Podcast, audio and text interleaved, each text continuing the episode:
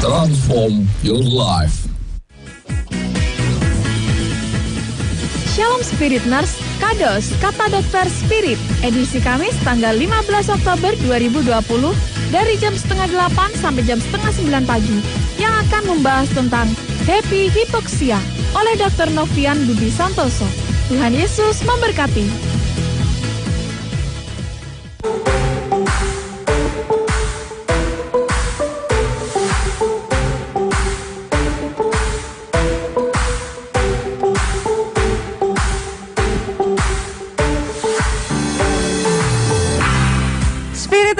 95.6 Transform Your Life Selamat pagi Selamat berjumpa kembali Spiritness Pagi hari ini bersama dengan Justin Dan, Dan juga, juga ada kawan Justin Siapa Andro. namanya? Siapa Iya. nama kamu? ada Andro Dan pagi hari ini selama satu jam Kita mau menemani kalian di program Kata Dokter Spirit Jadi Spiritness Kita mau ngajak kalian Untuk kalian bergabung bersama dengan kita Membahas topik pagi hari ini Yang ada hubungannya dengan happy-happy Ya, betul sekali ya. Judulnya adalah Happy Hypoxia. Hypoxia. Dan kita mau kenalan dulu dengan dokter kita pagi hari ini. Sebenarnya dokter ini sudah cukup terkenal dan sangat terkenal ya. Banyak sekali penggemarnya dan fans beratnya. Ya, selamat pagi dokter.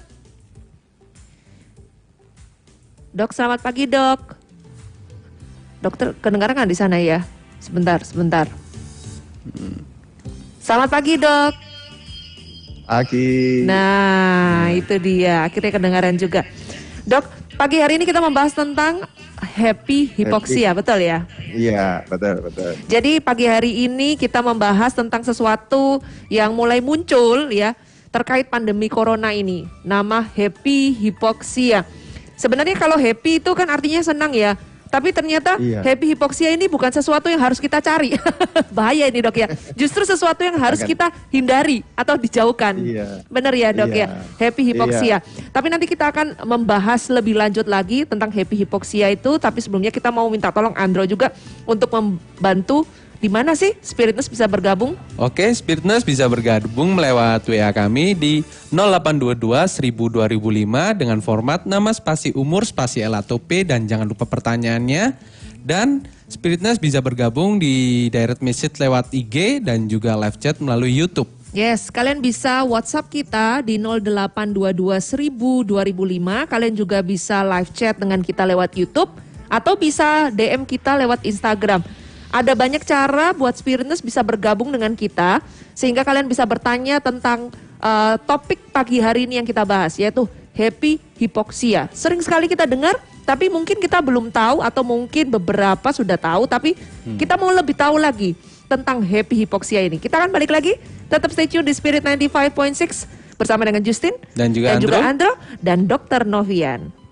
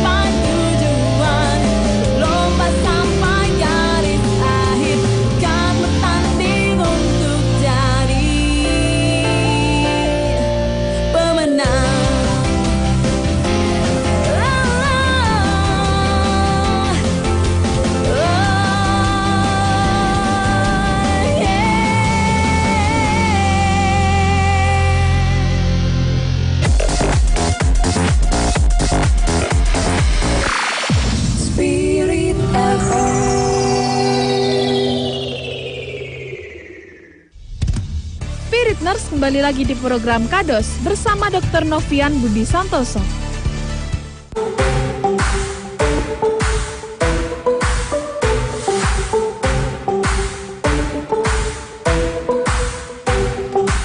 Spirit 95.6 balik lagi bersama dengan Justin dan juga Andro dan juga Dr. Novian. Pagi hari ini ya Spiritness kita membahas tentang happy hypoxia. Betul ya dok ya, happy hypoxia ya. Iya. Dan Hari ini, Eh, sesuatu yang tadi kalau Justin bilang sesuatu yang perlu kita hindari ya, bukan untuk kita cari ya, bukan karena karena happy happynya berarti kita cari enggak, tetapi karena ini berkaitan dengan eh, pandemi corona yang sedang terjadi ini, akhirnya muncul nama happy hypoxia ini. Sebenarnya apa sih happy hypoxia ini dok? Iya, hipoksia itu kan artinya kekurangan oksigen dalam darah ya. Hmm. Nah, eh, harusnya orang kalau kurang oksigen ya sesek ya, sesek, sesek napas segala macam. Nah, pada kasus di corona ini agak aneh, pasiennya Hmm. nggak merasa. Hipoksia itu kan Tidak ada terasa sesak nafasnya juga dok?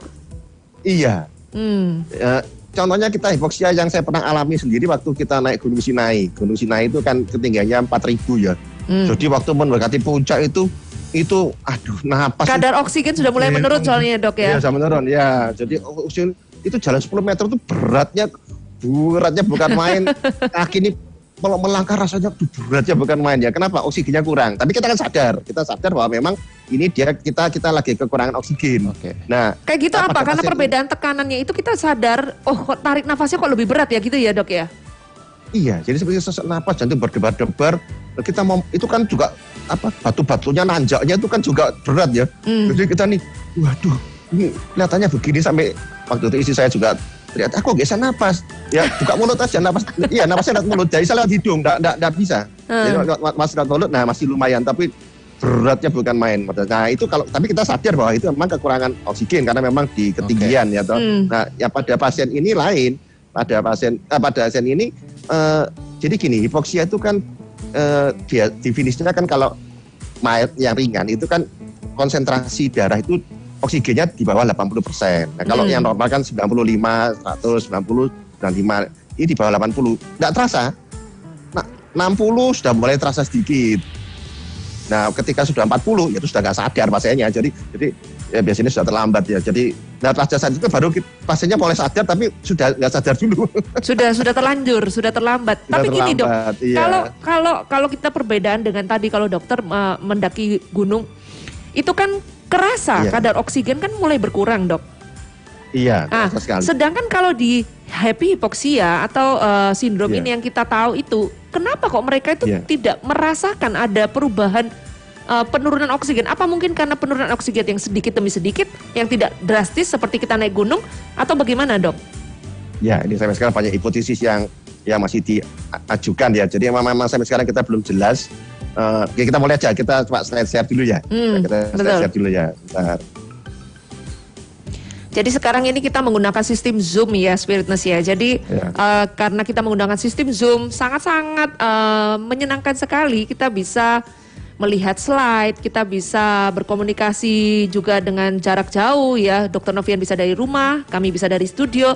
Jadi sangat menyenangkan sekali kita bisa dari segala tempat ya. Dengan adanya pandemi ini membuat kita bisa online-nya harus lebih harus lebih meningkat langsung. Bagaimana dok? Nah ini happy hypoxia Ya, sudah ini muncul. Kita bicara hipoksia ya. Ya, Kita mulai dari eh, sebentar. Ya, jadi kita tahu bahwa sebenarnya penyakit corona ini virusnya itu terdetek di bulan Desember, tapi belum tahu. Ya, Belum tahu virus betul. apa, pokoknya pada pneumonia yang aneh. Moro-moro gitu ya. eh, Pokoknya kalau tiba-tiba ada eh, penyakit baru Ya. gitu ya. penyakit baru gitu loh. Baru tanggal 7 Januari WHO secara resmi menyatakan ada virus baru yang namanya Hmm. corona. Ya. Waktu itu namanya 200 2019 nCoV waktu itu novel coronavirus waktu Ya, itu. novel coronavirus.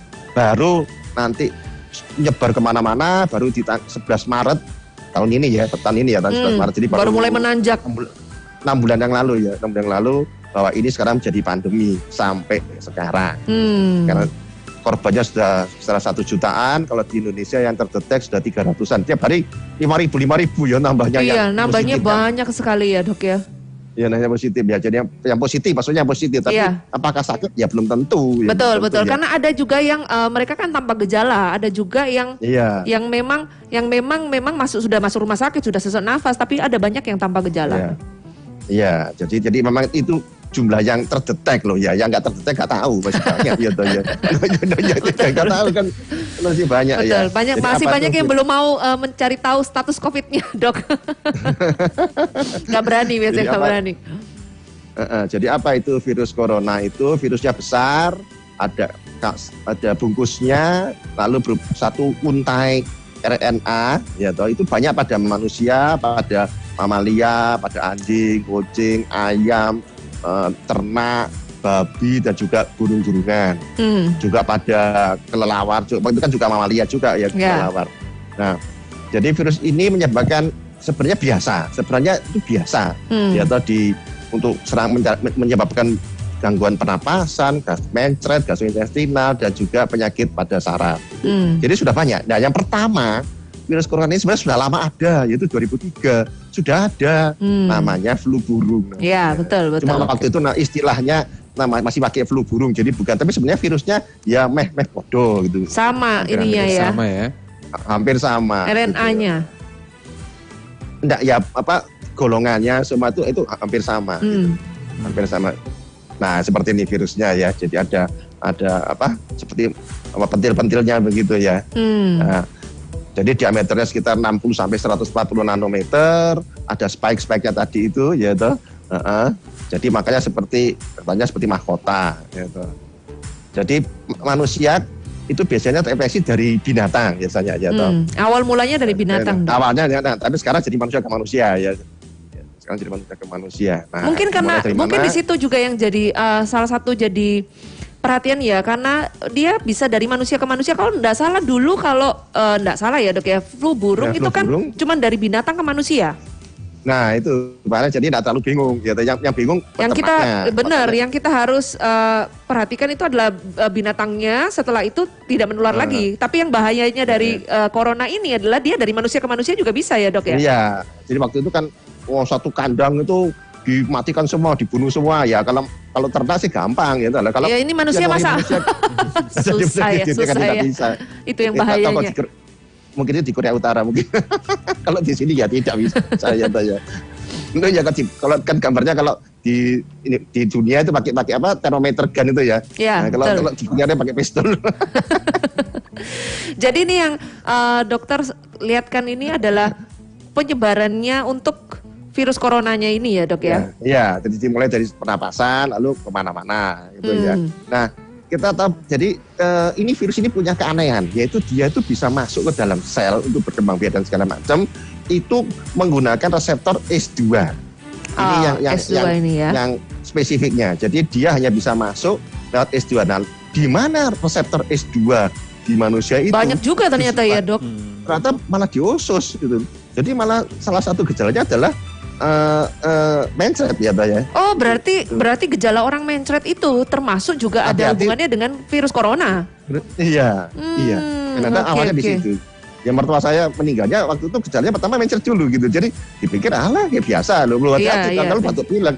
Nah, lalu suka ke paru-paru. Nah, Soalnya orang kan Lu- sekarang pada umumnya kan mikirnya kan eh, pokoknya kalau eh, corona ini mulainya selalu batuk pilek. Tapi ternyata tidak Iya. juga. Mencret juga mencret juga. bisa salah Hmm. satu juga penyebab Dari virus corona ini ya. iya itu, itu yang kita kita nggak tahu, nggak sadar. Ya ini, Nah, ini yang perlu repot ini, yang repot. perlu diperhatikan juga.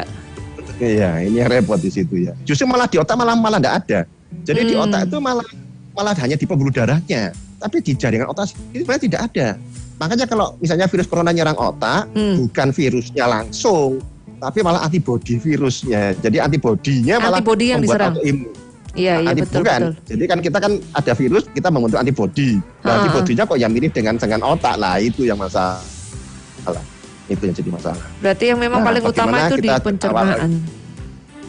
dan di pernapasan. Iya. Hmm. jadi ini virusnya ya, ini virus ada ada, RNA-nya yang Hmm. masuknya lewat eh, reseptor S2 dibantu oleh ini yang reseptor TMP PRSS2 ini. Nah, Hmm. dari sini kemudian dia masuk, dia berkembang biak, lalu kemudian ke- ber- menyebar ke mana-mana. Nah, Jadi apa itulah yang, membuat diserang? eh, berkembangnya virus corona mulai dari situ ya dok ya. Iya, mulai dari situ.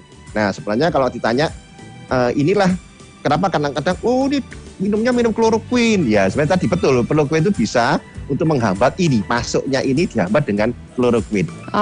Jadi kalau kita Terus dulu kan, oh kita semua minum kloroquine, Wah, ada apa ini? ya, ya, ya itu tadi menghambat masuknya ini dengan dengan, tapi ya itu nanti rasanya tidak perlu ya kita tidak ada apa-apa minum kloroquine buat apa ya itu ya. Hmm, jadi Nah, kloroquine itu gunanya hanya untuk menghambat virus itu aja masuk ke ke masuknya saja, iya ke dalam sel. Ke dalam Lain selnya itu ya, Dok, ya? Jadi dia hanya di fase awal. Tapi kalau kalau, kalau sudah masuk ke selnya berarti tidak tidak berfungsi ya kloroquine Ya sudah tidak berfungsi, sudah. Hmm, karena sudah terlanjur masuk Nah, ya dok ya. Iya. Nah, kemudian apa yang diserang? Ya ini. Jadi pneumocyte tipe 2 ini. Pneumocyte ini sel-sel di alveoli itu yang yang diserang. Yang diserang. Nah, eh, selain itu, selain dia menyerang sel-sel di alveoli di paru ini, dia nah juga menyerang yang di pembu, oh ini eh, Pem- eh, apa, pembuluh darah itu. Iya, pembuluh darah ini. Nah, jadi dia nyerang dua. Dia nyerang di alveolinya, dia nyerang di pembuluh darahnya Oh. Nah, sehingga pembuluh darahnya ini juga apa rusak semua, bocor. Nah, ini yang jadi masalah. Jadi terjadilah namanya hyaline membrane formation. apa itu dok? Mu- ya ini jadi jadi ada lendir yang dia menutupi daripada alveoli ini. Oh. Kita tahu bahwa fungsi paru itu kan tadi adalah apa respirasi ya, Iya, ya. respirasi. pertukaran oksigen dan CO2. Hmm. Jadi oksigennya itu harusnya yang dari alveoli ini eh, diambil diikat sama hemoglobin di sini, CO2 Sehingga ada dikeluarkan. sehingga ada udara pertukaran Ada respirasi oksigen. itu. Pertukaran- Tetapi ya, karena ada respirasi. lendir itu akhirnya tertutup ya dok ya. Iya tertutup. Jadi oh jadi bisa. tidak akan tidak ada pertukaran eh, udara. CO2 dan eh, oksigen Iya, dan CO2 itu. karena ada Iya, lendir itu. Oh gitu, makanya penyebabnya Itu. itu yang membuat orang akhirnya jadi sesak nafas itu ya karena ada lendir yang Ini, menutupi iya, iya. jalurnya ini Iya. ya dok ya. Ini, ya makanya sekarang lagi dipikirkan mungkin kita bisa menggunakan enzim untuk melarutkan ini, melarutkan Hmm. ini sehingga mungkin mudah-mudahan tetap terjadi respirasi. Ya, toh. Nah, ya, jadi, tetap masih bisa bernafas ya. ber- tetap terjadi pertukaran oksigen dan CO2. Jadi Hmm. gini, kalau kita sekarang wah kita harus pakai ventilator. Loh, ventilator ya kempas-kempus saja jadi mendorong udara masuk. Tapi apakah setelah oksigen masuk di dalam ini bisa terjadi pertukaran Nggak bisa juga CO2? seharusnya karena ada lendir yang Nggak menutupi bisa. ini ya dok ya. Iya. Wah ini cukup menarik ya sebenarnya kalau untuk kita tahu bahwa eh, sebenarnya terjadinya kita tidak bisa bernafas itu ya karena ada lendir yang menutupi jalurnya untuk kita bisa bernafas itu ya dok ya. Dan Iya. eh, asik juga mungkin buat spiritus yang mau bertanya yang mungkin kurang mengerti masih an. Seperti apa sih ini maksudnya itu? Bisa tanya langsung aja kita di 00822. Speedness yang ingin bergabung dapat di bergabung di WA kami di 0822 1000 2005 dengan format nama spasi umur spasi L atau P dan jangan lupa pertanyaannya dan dapat melalui direct message lewat IG dan juga live streaming melalui YouTube. Yes, nanti kita akan lanjut lagi setelah satu pujian berikut ini. Tetap stay tune bersama dengan Justin, Andro, dan juga Dr. Novian.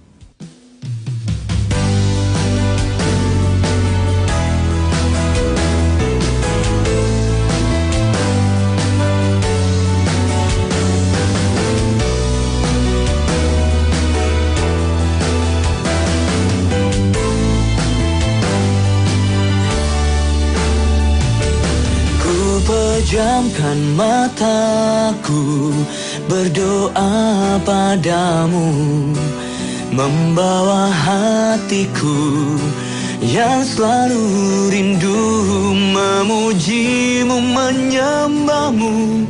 Oh Yesus Tuhanku Ku datang serahkan hidupku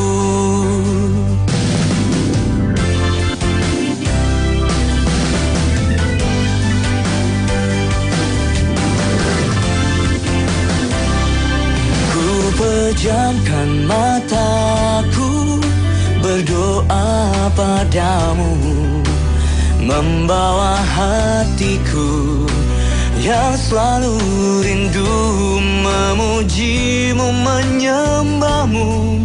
Oh Yesus Tuhanku Ku datang serahkan hidupku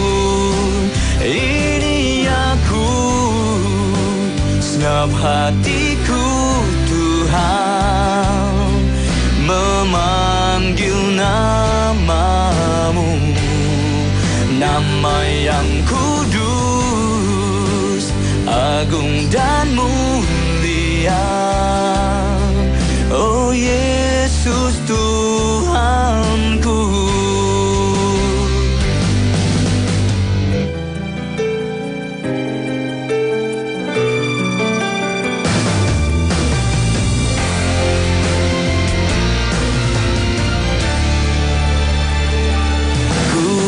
Pejamkan mataku berdoa padamu Membawa hatiku yang selalu rindu Memujimu, menyembahmu.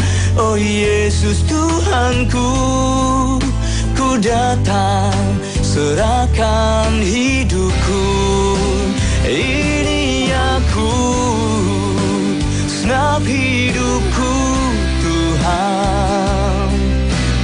Ku serahkan padamu. Jadikanku Bejana yang sempurna Untuk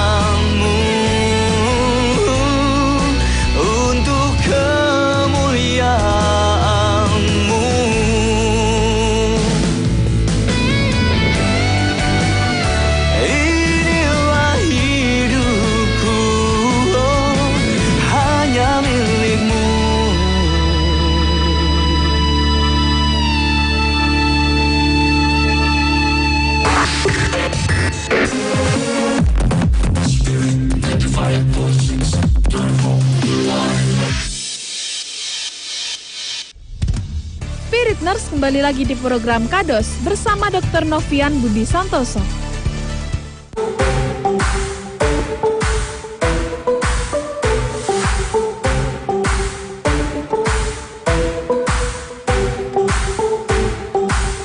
Spirit 95.6 Transform Your Life.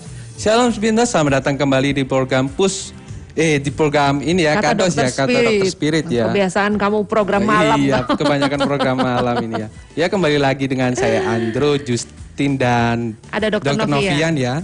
Oke, tidak lupa saya akan mengajak Spiritness yang ingin bergabung melewati, melewati eh, WA ya di 0822 12005 dengan format nama spasi umur spasi elatope dan juga pertanyaannya. Dan Speedness juga bisa bergabung lewat IG melewati direct message dan juga live chat di YouTube ya. Ya betul, kalian bisa chat kita dari berbagai cara ya Spiritness Kalian bisa lewat WhatsApp di 0822 1000 2005 Kalian boleh juga lewat live chat dan juga lewat DM IG Dan satu hal kita mau sarankan buat semua Spiritness yang bergabung Jangan lupa format wajibnya Yang harus kalian masukkan dulu sebelum pertanyaannya. Iya. Nama, spasi umur, spasi L atau P. Setelah itu baru kalian boleh tanya. Hari ini kita membahas tentang happy hipoksia. Kalau tadi Dokter Novian sempat eh, membahas bahwa awal mula dari corona ini terjadi dari sesak nafas yang terjadi itu karena adanya lendir-lendir di yang menutupi eh, pertukaran udara ya, benar ya dok ya, sehingga Iya. respirasi itu terganggu dan itulah yang membuat sesak nafas, benar ya dok ya. Tadi Iya. dokter Novian eh, kita melewati Zoom, jadi eh, dokter Novian sudah membahas lewat gambar juga dan sangat-sangat membuat kita mengerti karena ada gambarnya jelas banget gitu. Kalau ada lendir yang menutupi eh, sel-sel ini sehingga tidak ada pertukaran udara ya dok ya. Iya, jadi pertukaran antara oksigen oksigennya bisa masuk ke dalam darah, ya CO2 kan dikeluarkan. Nah Hmm. ini pada posisi ini ada lendir yang menghalangi. Hmm, jadi O2 juga nggak bisa Makanya masuk, sekarang yang CO2 nggak bisa keluar juga gitu dok. Heeh, makanya sekarang lagi dipikirkan bagaimana kalau obatnya berupa enzim, bis- kalau bisa juga lewat mulut saja atau ya, toh, itu Mm-mm. supaya bisa mela- melarutkan ini yang Lendir-lendir. halin ini. yang- iya, nah dengan itu maka jadi bebas. Jadi percuma kita sebul-sebul pakai ventilator, tidak ada gunanya. Kenapa? Nah, wong buntu kabeh. Jadi Iya betul. Ah, kita harus membedakan antara ventilasi dan respirasi. Kalau ventilasi itu udara keluar masuk, ya toh bisa aktif seperti kita aktif atau pasif aktif pakai mesin, ya toh pakai ventilator tuh maksudnya supaya didorong ke dalam. Nah percuma dong di dalam pertukarnya tidak ada gitu loh. Hmm. Akibatnya kadar oksigen turun, turun, turun, turun. Mungkin karena turunnya, nah ya ini juga ada hipotesis lagi, ya masih dugaan ya. Hmm. Misalnya juga eh, apakah juga virus ini juga merusak saraf. Nah, nanti yang kita di dalam ini merusak saraf-saraf itu sehingga kita jadi semacam tidak sadar bahwa sebenarnya kita sudah dalam kondisi kritis gitu. Hmm. Dan ini yang membuat membuat apa banyak pasien datang ke rumah sakit tak lama men- meninggal. Ya kenapa? Ya karena eh, sudah tidak sadar ternyata sudah stadium akhir, sudah parunya sudah lendir semua. Nah, ini menolongnya bagaimana nolongnya? Padahal gejala-gejalanya mungkin tidak ada yang men- menunjukkan bahwa sebenarnya dia parah gitu ya dok ya. Iya, ya hanya batuk aja, ya hanya batuk saja. Tapi ya batuk batuk aja, guru, guru gitu ya gitu saja. Seperti kita batuk yang lain kan juga begitu. Jadi Iya, kita pikir betul. nih ya batuk pilek biasa, nggak tahunya. Batu berdahak biasa tahunya- gitu ya. Iya, tahunya parunya sudah rusak semua. Gitu. Sudah penuh dengan ini sehingga walaupun masuk masuk ventilator pun tidak ada gunanya. Gitu. Oh iya iya iya. Oke, iya. sebelum Nah, masuk yang- dilanjut ya dok ya. Ini ada yang sudah bergabung dok. Ini dari Iya. Bapak Untung Setia ya. Hidung Iya. tersumbat dan dan tenggorokan sesak ya. Dan dapat lendir atau riak sehingga untuk tarik napas tidak bisa lega. Apa termasuk kategori gejala corona? Justru malah enggak ya. Jadi justru yang corona ini malah malah smooth ya. Sehingga pasiennya nggak terasa atau sudah tidak sadar duluan. Jadi Hmm. sudah kesadaran sudah menurun duluan. Kenapa? Ya kadar oksigen sudah 60, sudah 60 60 persen sehingga biasanya paru-parunya sudah penuh juga. Biasanya. Penuh dengan Jadi lendir emang- ini maksudnya ya dok ya. Iya, iya.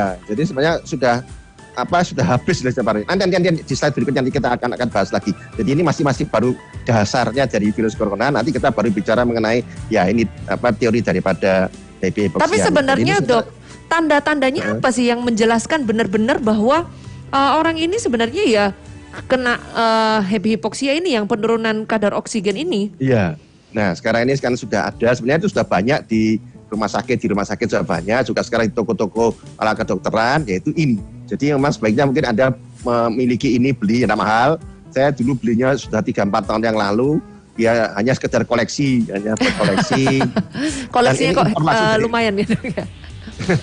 impor langsung dari Cina jadi barangnya waktu itu murah ya cuma 100 ribuan ya atau ya Eh, kami kalau impor dari Cina ya tunggu satu bulan dua bulan baru datang ya tidak apa-apa mau tidak susu hanya hanya sifatnya mengkoleksi ini saya memang suka ya Dan dapat berguna untuk kok. sekarang ya dok ya. Mm-mm.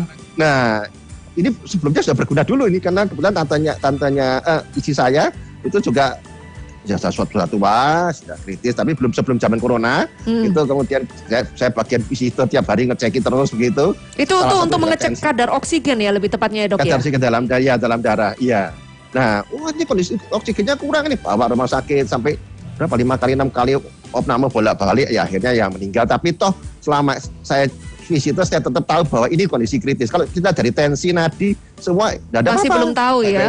Iya, Pokoknya di bawah saja. Karena dari sini- 80% tadi kadar oksigen ya dok ya. 95 persen kalau nggak salah tadi dok ya benar di bawah Atasnya 95. Berarti ya, pokoknya sudah di bawah 90 tuh ya sebenarnya sudah langsung bawa aja lagi ngeri itu sudah ngeri nah dibawa ke rumah sakit baik pulang lagi nah, ketika di rumah rumah saya tiap hari ngecek lagi visitor terus ya lalu pakai cek tensi nadi semua suhu lalu juga ini nah ini jadi alat ini ini sekarang sudah tidak mahal lagi karena sudah sudah banyak. Sudah waktu banyak. itu waktu itu yang semua orang butuh semua jadi 400 ribu, 500 ribu ya, oh, mahal sekali. Ah, Juga termometer yang termometer gun itu ya, saya juga beli waktu itu cuma berapa 150 tuh berapa murah kok. Ya karena memang kan waktu itu kan tidak tidak butuh, tidak apa Hmm. Iya, gitu. betul, Nah, betul. ternyata sa- sekarang itu orang dibutuhkan. Iya, sama beberapa borong orang semua. perlu malahan ya. Ya ini jadi seperti ini. Jadi ini makanya mungkin eh, karena sekarang juga sudah murah lagi dan sudah ada di Indonesia, nggak usah impor, jadi bisa cepat didapat. Ya, barang-barang seperti begini, apa pun mereknya sudah lah. Jadi apa pun pokoknya.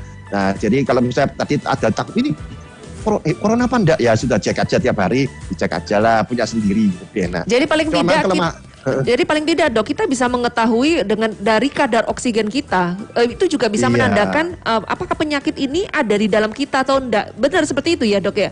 Iya, jadi mendetek apakah kita kekurangan oksigen apa tidak. Karena memang kalau saya happy hypoxia, pasti nggak sadar. Nah itu yang repot kan. Oh, Oke oke. ya oke. makanya jadi ini sekarang sudah murah ada kok di Shopee di mana cuma seratus ribu juga ada jadi sekarang sudah harganya jatuh termometer gun yang dulu harganya sampai 2 juta sekarang sudah turun lagi ya memang sebenarnya harganya ya nggak segitu kok gitu. cuma karena karena semua panik semua jadi semua Akhirnya apa, lalu harga up, jadi up, up naik. semuanya ya.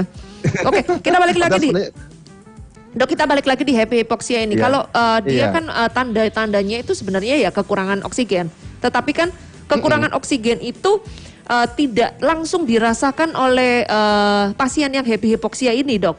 Mereka Iya. kadang-kadang sering terlambat. Dokter juga mengakui bahwa sering sekali sudah terlambat, ya kan? Kadar oksigen Betul. sudah dibawa Ah. dibawa normal banget sehingga sudah terlambat Iya. untuk penanganannya. Sebenarnya, Dok, Iya. ada nggak sih cara khusus untuk kita selain kita tahu melalui dengan uh, alat-alat khusus untuk mendeteksi kadar oksigen dalam darah itu. Kalau kita tahu bahwa "Loh, kadar oksigen kita sudah rendah, ada nggak sih sebenarnya cara-cara khusus yang kita bisa lakukan untuk kita bisa meningkatkan uh, kadar oksigen itu? Atau uh, salah satu caranya cuma ke rumah sakit aja? Iya, iya, eh, pakai itu pakai oksigen masker gini, nah, ya sebagai rumah sakit aja lah. Soalnya itu susah ya. Nah, Hmm. begini, yang penting kita sudah mendetek bahwa ini hati-hati, ini ada. Jadi tidak cuma hanya ngomong-ngomong saja. Kok ngomong-ngomong saja, misalnya ditanya ini gimana? Oh iya, enggak apa-apa ya sudah. Loh, besok kemati. Loh, loh iya. Jadi makanya kita luput.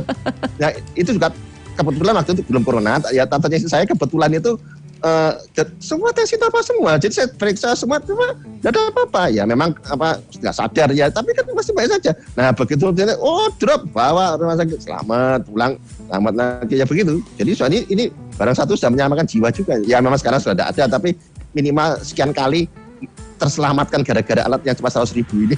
Iya betul. Dari situ soalnya kita bisa tahu kadar oksigennya uh, sudah termasuk normal atau di bawah normal gitu ya dok ya. iya, iya. Sekarang- Ini cara paling sederhana, paling praktis. Hmm. Kalau Justin mau tanya dok, sebenarnya happy hypoxia ini apakah dia cuma menyerang untuk pasien-pasien COVID saja, ataukah semua eh, penyakit-penyakit yang lain juga bisa bisa juga diserang sama happy hypoxia ini dok? Sebenarnya ada, tapi karena mungkin tidak mematikan jadi tidak bingung ya. Oh, ya seperti oke, ya, oke. ya, gitu. misalnya kita di puncak gunung tadi, Ya. eh, kan tidak mematikan, jadi ya kita ya tidak panik ya, atau ada namanya penyakit namanya atelektasis, jadi itu parunya satu bagian itu kempes, Oh. apa pun entah TBC entah apa pun, ya tapi karena toh tidak mematikan, jadi kita tidak bingung gitu ya. Tapi kalau ini kan mematikan gitu. Oh, karena eh, corona ini mematikan, jadi Eh, orang ini, ini yang semua, lalu akhirnya, jadi- akhirnya akhirnya membai- membuat happy hypoxia itu menjadi viral juga ya. Iya, sebenarnya cuma di situ kan masalahnya. Kalau yang ateletase ya sudah memang mau gimana, parunya sudah satu bagian kempes misalnya, ya ya sudah toh. Tapi toh ya ya enggak, enggak mati kan kan gara-gara itu kan enggak mati cepat dulu maksudnya Hmm, toh. kan enggak hmm, mati kan. Jadi karena anak itu udah ribut gitu kan. Sebenarnya cuma di situ masalahnya. Oh, jadi permasalahannya adalah ya karena ada juga eh, happy hypoxia ini bisa juga menyerang yang lain tetapi tidak berakibat kematian. Sedangkan kalau untuk yang corona ini yang lebih berbahaya Iya. karena bisa mengakibatkan kepada kematian karena Nah. ada lendir yang menutupi itu tadi betul ya, Dok ya. Iya. Dan kita- cepatnya bukan main. Nah, dan kita Cepat semuanya eh, sebenarnya perlu khawatir ya, Dok ya. Perlu tahu masing-masing kadar oksigen dalam darah, benar ya, Dok ya? Karena itu yang paling penting ya, Iya. Dok. Karena Iya. dalam keadaan sehari-hari seperti ini pun bisa saja kadar Bisa. oksigen dalam darah itu rendah ternyata, Dok ya. Iya, dan kita kita kita enggak tahu. Dan itu yang kita, kita, tahu tidak itu masalahnya. iya itu, ya itu kita tidak tahu lah ya. Masalah kan di situ. Jadi eh tahu oh ya kok nggak sadar baru baru sakit tuh sudah penuh semua ya sudah. Nggak Lewat lama, nggak sampai satu hari sudah nggak ada. Kita mengajak semua spiritness untuk bergabung dengan kita di 0822 1000 2005. Kalian bisa WhatsApp kita. Kalian bisa uh, live chat juga dengan kita Iya. di YouTube. Kalian bisa juga direct message kita di Instagram. Dan tadi kalau pertanyaan dari Pak Untung Setia ya, benar ya? Iya, betul. Tadi sudah dijawab sama Dokter Novian bahwa kalau kemungkinan seperti itu eh, mungkin bukan corona ya. gitu ya. Karena seperti yang eh, Dokter Novian sampaikan justru biasanya gejalanya biasa-biasa saja ya, cuman batuk-batuk biasa ya, Dok ya. Tapi Iya. mungkin tapi mungkin untuk Pak Untung mungkin perlu juga mencari tahu kadar oksigen. Itu yang penting ya, Dok ya. Iya, sekarang banyak dijual kok. Jadi sudah dandarkan nggak usah mahal. Jadi sebaiknya kalau punya sendiri juga nggak lebih baik ya. Oh iya, ini dok, Jadi ada yang tanya ini sendiri dok. ya. Ini Iya. ada pertanyaan lagi, Dok. Eh, nama alatnya yang tadi itu apa namanya dok? Ah, nah Ada itu dia. bertanya Itu itu merek yang tidak Ya. bisa kita sebutkan Oke. memang. Tapi mungkin bisa Oh, dicari karena- tahu di uh, berbagai online shop mungkin ya, bisa Iya, dapat banyak. eh, uh, ini alat untuk mengetes atau mengukur kadar, Kadar oksigen. oksigen. dalam darah. Itu nanti langsung bisa banyak muncul dan berbagai merek betul ya, Dok ya. Dan sekarang sudah banyak sekali katanya Dokter Novian. Dan sekali lagi Spiritness, kita mengajak kalian untuk bergabung dengan kita. Masih ada waktu sekitar ya 20 menit lah buat kalian bisa bergabung. Tetap stay tune di Spirit 95.6. Kita akan balik lagi setelah satu pujian berikut ini.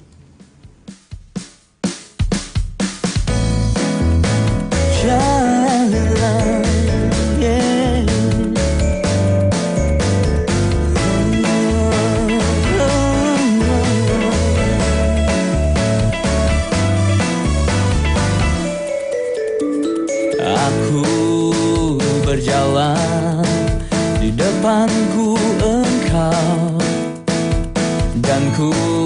katakan siapa lawanku?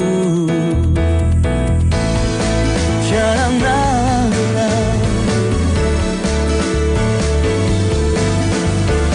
Aku berlari mengejar mimpiku dan kau nyatakan kuasamu yang dahsyat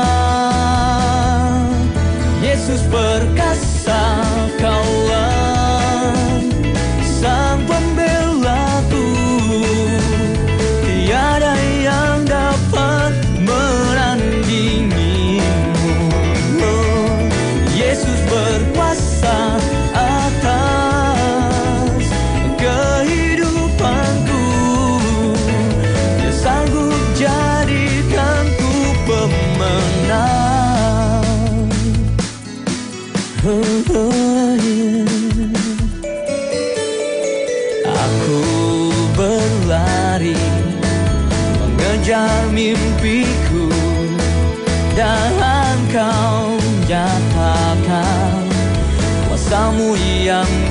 dahsyat Yesus perkasa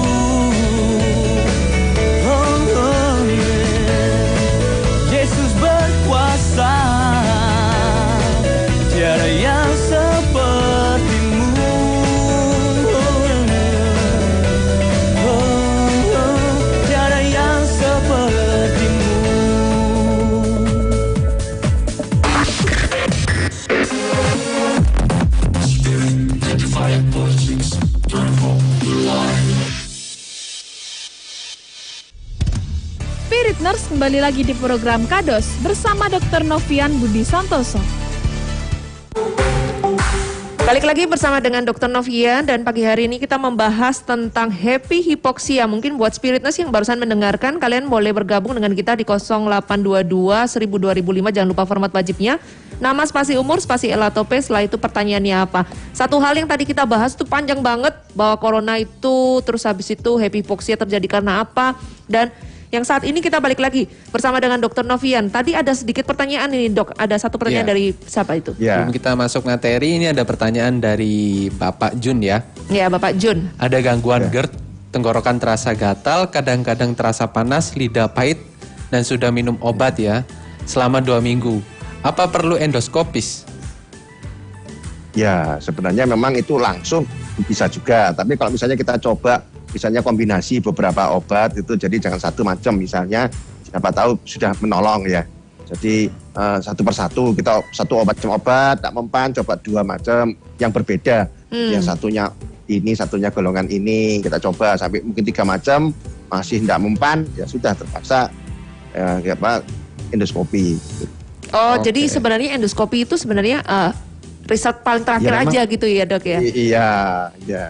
Tapi Endoskopi kalau kan untuk bisa, mendiagnose, mendiagnose bukan untuk mengobati. Obatnya tetap ya obat itu lagi ya. toh. Obat Oh. lagi ya, toh, ya. oke oke. Mungkin buat eh, siapa tadi?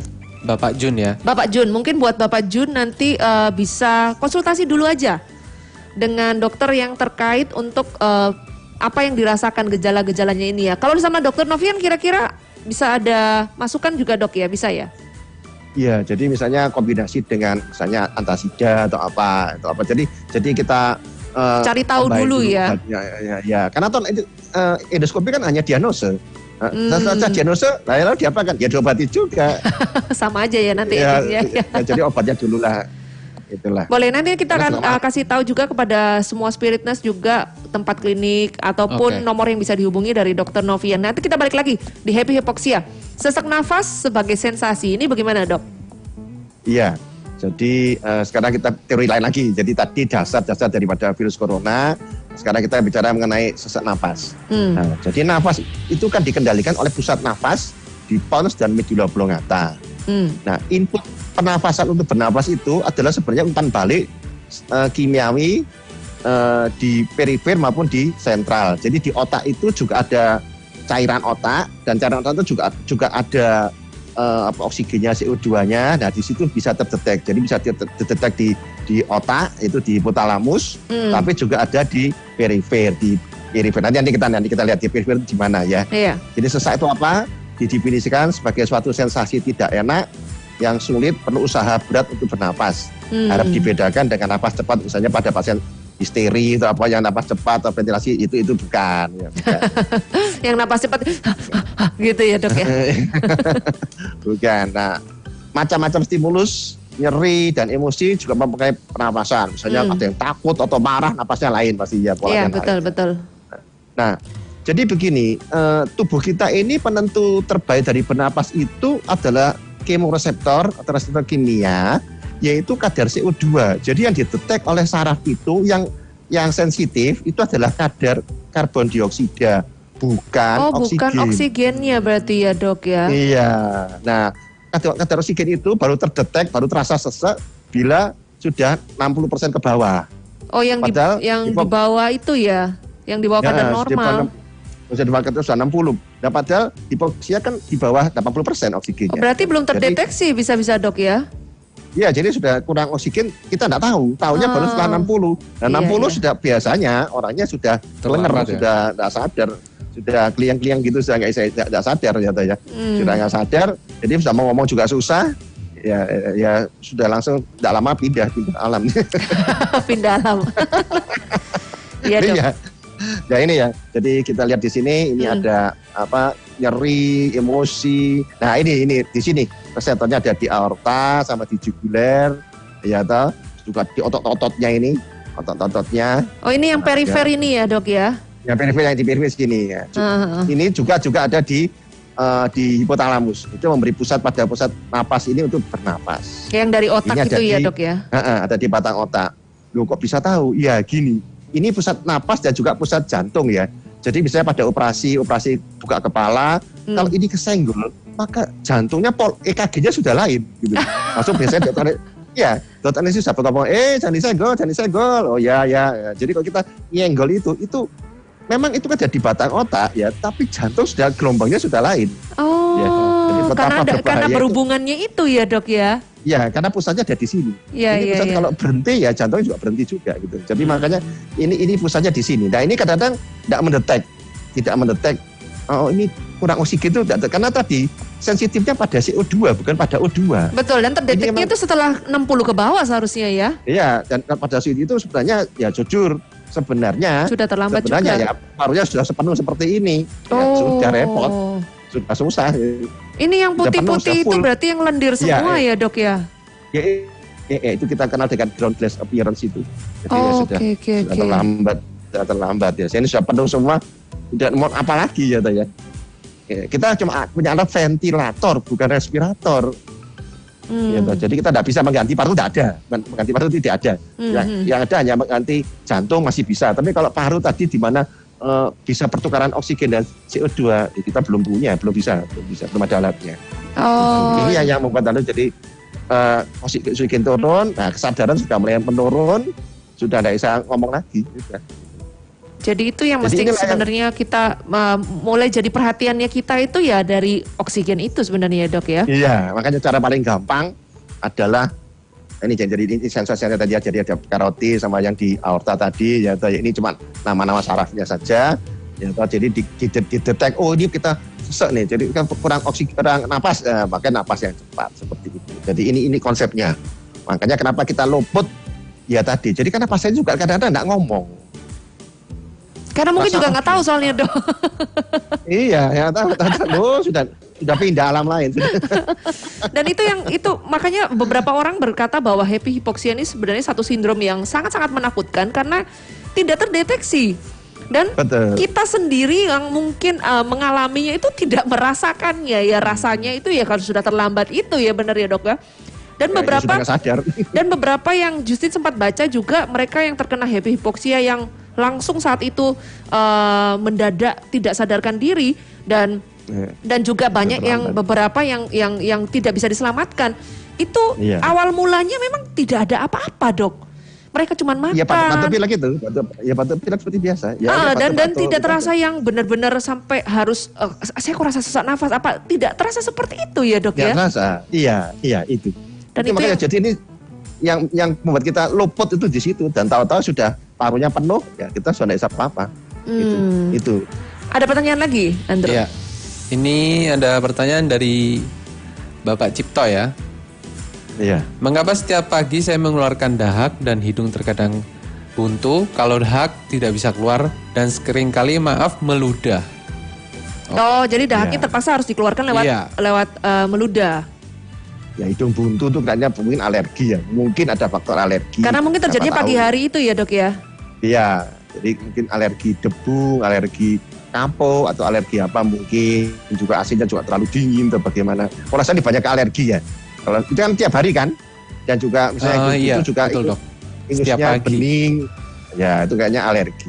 oh bu- Oke. bisa dilihat dari hidungnya eh, apa eh, ya, apa lendirnya yang bening ya dok ya Iya. Nah kalau tenggorokan kering kadang-kadang sekarang ini apa banyaknya itu karena pakai AC ini. iya betul Jadi betul karena AC, jadi terlalu kering, udaranya terlalu kering. Kita kan di daerah tropis sini kan lembab ya. Nah dengan adanya AC apalagi nggak ada jendela, jadi benar-benar apa eh, kelembapan itu rendah, ren- ren- rendah. Nah lalu kita jadi batuk. Oh, jadi kemungkinan terjadi karena alergi Iya. sebenarnya Alergi, untuk Bapak juga Cipto udara ya. terlalu Untuk kering Bapak karena- Cipto mungkin ini alergi ya.